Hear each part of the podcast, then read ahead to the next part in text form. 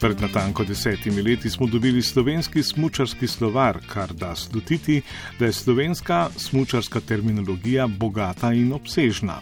Pri njegovem nastanku je sodeloval tudi jezikoslovec dr. Simon Atelšek z Inštituta za slovenski jezik Frana Ramovša ZRC SZU. Slovenski jezik je zelo bogat s smočarsko terminologijo. Se je pravzaprav smočanje del naše zgodovine, že Valvazor jo omenja, da so se ljudje smučali. Potem se je pa terminologija nekako v večjem obsegu začela razvijati po prvi svetovni vojni. Eh, tukaj je bil predvsem zaslužen Rudolf Badjura s svojimi deli. Slovenski smočarski slovar mislim, da vsebuje več kot 4000 terminov, kar kaže seveda na neko bogatstvo, da je tukaj bogata terminologija. To je verjetno pogojeno, jaz mislim, da je tukaj del, vsaj delno pogojeno s tem, da smo bili Slovenci vedno v vrhu pri razvoju smočarske opreme in tudi smočarske tehnike. Potem je verjetno pač posledično se zgodilo to, da so bili termini sproti oblikovani, domači termini, in potem niti ni bilo potrebe po prevzemanju iz tujih jezikov. Odkot so črpali besede? Gre za izvorno slovenske ali prevzete besede? Vsaj to osnovno izrazje smo imeli že odnegdaj, recimo smoči, smočarski čevlji, smočarske palice. Potem pa seveda so prihajale počasi v slovenski jezik tudi prevzete besede. In so se tudi potem nekako, nekatere so se ustalile in jih danes pravzaprav sploh ne čutimo več kot prevzete. Takšen primer je naprimer termin telemark. To je beseda prevzeta iz norveščine, pravzaprav v norveščini je to ime za pokrajino v slovenski smočarski terminologiji pa označuje zvrst smočanja. V okviru smočarskih skokov pa tudi gre za element, se pravi, doskok v telemark. Drug tak primer je pa recimo slalom, ki je tudi po etimološkem slovarju, gre za iz norveščine prevzeto besedo preko nemškega jezika in v izvornem pomenu pomeni sled po položni strmini. Radijski in televizijski prenosi zimskih tekmovanj so prežeti s mučarsko terminologijo, ki se pojavlja tudi v informativnih oddajah. Ob tem so poslušalci in gledalci mestoma tudi kritični do športnih komentatorjev. Se pravi, športno komentiranje ni, ni pravzaprav pravo mesto, da bi tukaj ocenjevali, kakšna je terminologija oziroma kako je razvita. Ker primarno mesto smočarske terminologije in vseh terminologij je v strokovnih besedilih. Zdaj pri komentiranju gre pa za dogodek v živo, kjer se mora komentator odzivati v trenutku. Poleg tega je pa, po mojem mnenju, ena od vlog komentatorja tudi ta nekakšno vzbujanje oziroma prenos navijaškega vzdušja v naše domove. In zato je seveda tukaj dovoljenega malo več, tudi kakšen zdrs več je tukaj verjetno dovoljen in vsaj mene osebno to prav nič ne moti.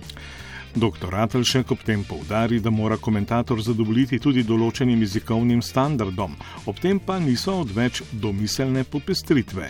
Spomnim se primera, ko je recimo um, vaš kolega napovedal izkušenega smočarja in je rekel, da na štartu se pripravlja smočarski metuzalem.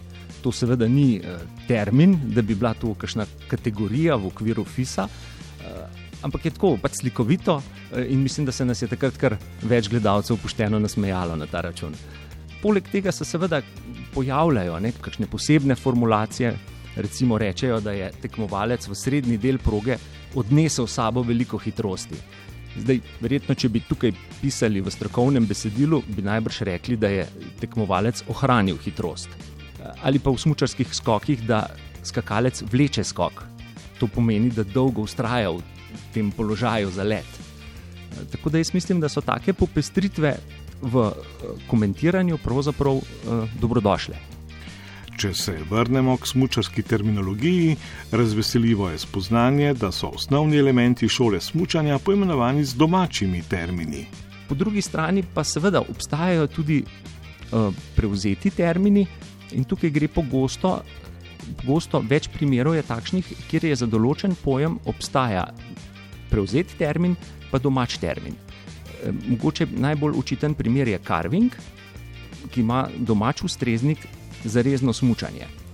potem tukaj se okrog oblikuje cela besedna družina, torej carving tehnika, zarezna tehnika, carving smoči, zarezne smoči, carving zavoj, zarezni zavoj in tako naprej. Zdaj, carving je že precej prilagojen slovenskemu jeziku, se zapiše s k, tudi z sklanjanjem in zapisom, tukaj ni težav. Zdaj, kakšni drugi so pa mogoče še malo bolj problematični, naprimer z področja deskanja na snegu, se pa nekateri termini še zapisujejo citatno, naprimer half pipe, snežni žleb, backside obrat, obrat nazaj, frontside obrat, obrat naprej in tako naprej.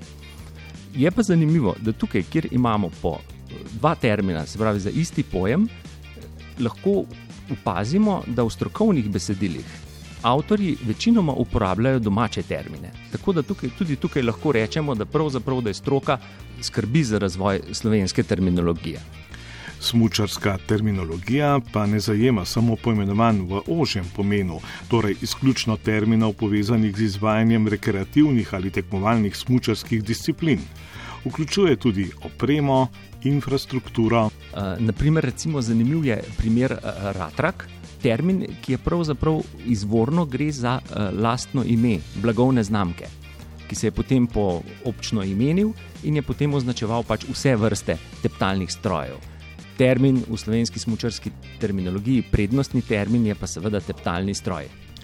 Bogat je tudi nabor metaforičnih smočarskih poimenovanj. Ja, v smočarski terminologiji najdemo tudi to vrstne uh, termine. Naprimer, eden tak je iz osnovnih elementov šole smočanja je klin, se pravi, označuje položaj smoči, uh, pri katerem so konice nekoliko približene, repi so pa razmaknjeni in torej položaj smoči spominja na nekakšen klin. Podoben primer je bil pa pred uveljavitvijo uh, zarezne tehnike, torej pri sulicah, smo pa govorili o plugu, tam sta bili pa konici povsem skupaj in repa smoči še bolj razmaknjena. In tudi tam se je potem oblikovala cela besedna družina, torej plužni zavoj, plužna tehnika, plužni prestop in tako naprej. Mogoče je v tem kontekstu zanimiva tudi krmarica.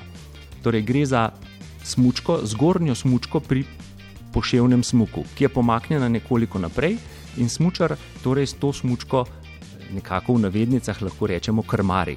In tej smučki pravimo krmarica.